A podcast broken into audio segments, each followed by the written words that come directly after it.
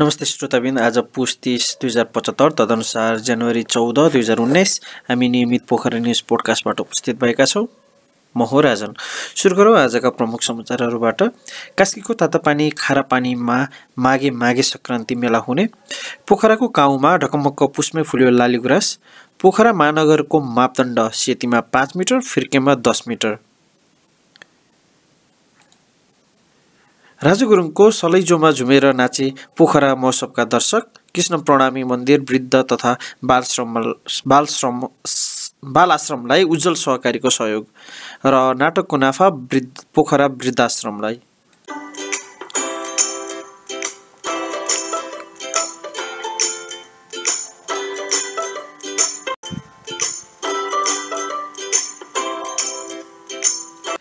कास्कीको माछापुछ्रे गाउँपालिकाको वडा नम्बर एक र दुईमा पर्ने तातो पानी खारा पानीको माघे खारा पानीमा माघे सङ्क्रान्ति मेला हुने भएको छ।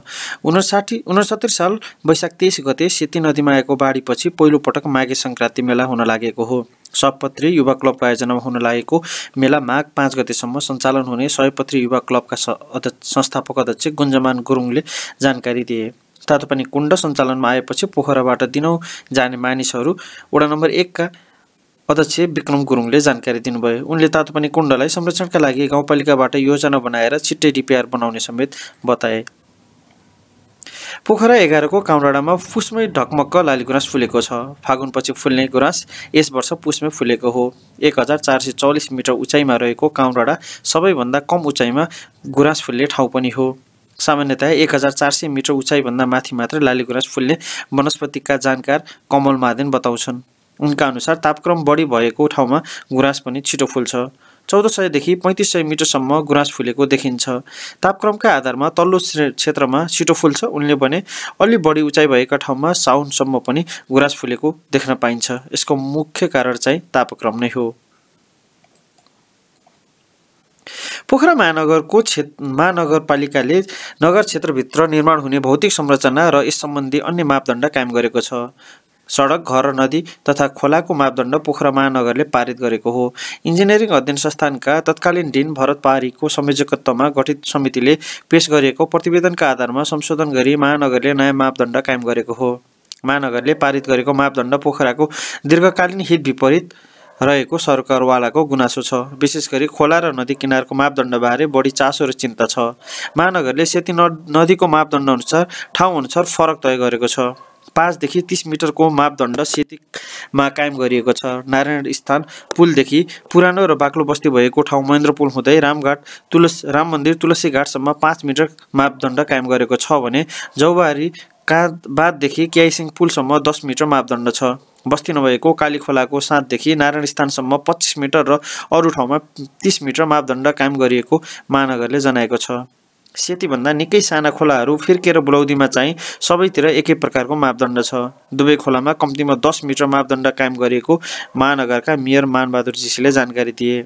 महानगरले अहिले ल्याएको मापदण्ड विज्ञ समूहको सिफारिस विपरीत रहेको विज्ञ समितिका सदस्य तथा भूगोलविद डाक्टर कृष्ण केसीले बताए। मापदण्ड समितिले तोकेको सेतीको मापदण्ड पचास मिटर राखेको छ तर हाल सदन बस्ती भएका ठाउँमा केही लचक बन्ने हाम्रो प्रस्ताव थियो। उनले भने अहिले भइरहेका घरलाई नभत्काउने र नयाँ घर बनाउँदा पचास मिटर कायम गराउने सुझाव हामीले दिएका थियौँ तर निर्णय अर्कै भएछ हामीलाई थाहा छैन।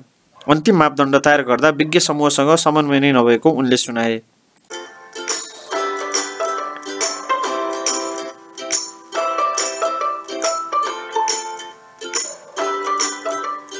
पोखराको अमरसिंह चौरमा जारी नव संस्करणको महोत्सवमा दर्शकको चाप बढ्दो छ। महोत्सवको तेस्रो दिनसम्म आइपुग्दा उल्लेख्य दर्शकहरूले सहभागिता जनाइसकेका छन्। महोत्सवमा सहभागीसँगै लेखनाथको पच्चभैयामा निर्माणाधीन रहेको पोखरा जुलोजिकल पार्क अवलोकनमा जानेको लर्को लागेको छ। महोत्सव आयोजक युनाइटेड क्लबले महोत्सव स्थलबाट जङ्गलको झल्को दिने गरी सिँगार पटार गरिएको बसबाट आइतबार मात्र सत्तरीजनाले निशुल्क जुलोजिकल पार्कको अवलोकन गरी फर्केको यातायात व्यवस्थापन उपसमिति संयोजक श्यामकृष्ण श्रेष्ठले जानकारी दिए। आइतबार मौसममा चर्चित लोक दोहोरी त्यसमा पनि गण्डकी प्रदेशका ख्याति प्राप्त सालैजो गीतका गायक राजु गुरुङको सालैजो प्रस्तुति महोत्सव प्रस्तुतिले मौसममा दर्शकले नाच्न बाध्य बनायो। स्टेज चढ्न साथ ज्यादी रायाले घरमा दिल छैन भन्ने छैन तिम्रो मायाले भन्ने बोलको गीतबाट गीत गाउन सुरु गरेका गुरुङले बसेर खाउली भन्ने गीत गाउँदै तिते करेली भन्ने गीत गाउँदा दर्शकहरू बसेको ठाउँबाट उठेर नाचेका थिए। उज्जवल बचत तथा ऋण सहकारी संस्था लिमिटेडले पोखरा सत्ताइस सलाय पाखामा रहेको कृष्ण प्रणाली मन्दिर वृद्ध तथा बाल आश्रमलाई सहयोग गरेको छ।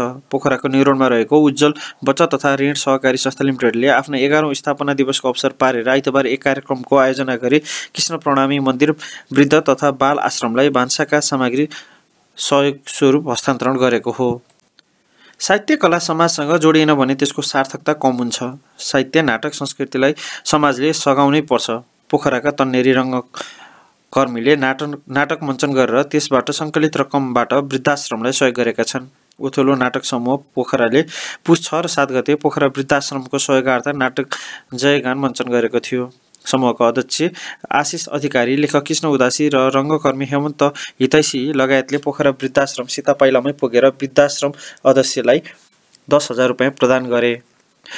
लेखकले समूहले लेखक वेशभूषा श्रृङ्गार व्यवस्थापक व्यवस्थापक सङ्गीत संयोजक स्वयंसेवक र कलाकारलाई पनि पारिश्रमिक दिएको छ।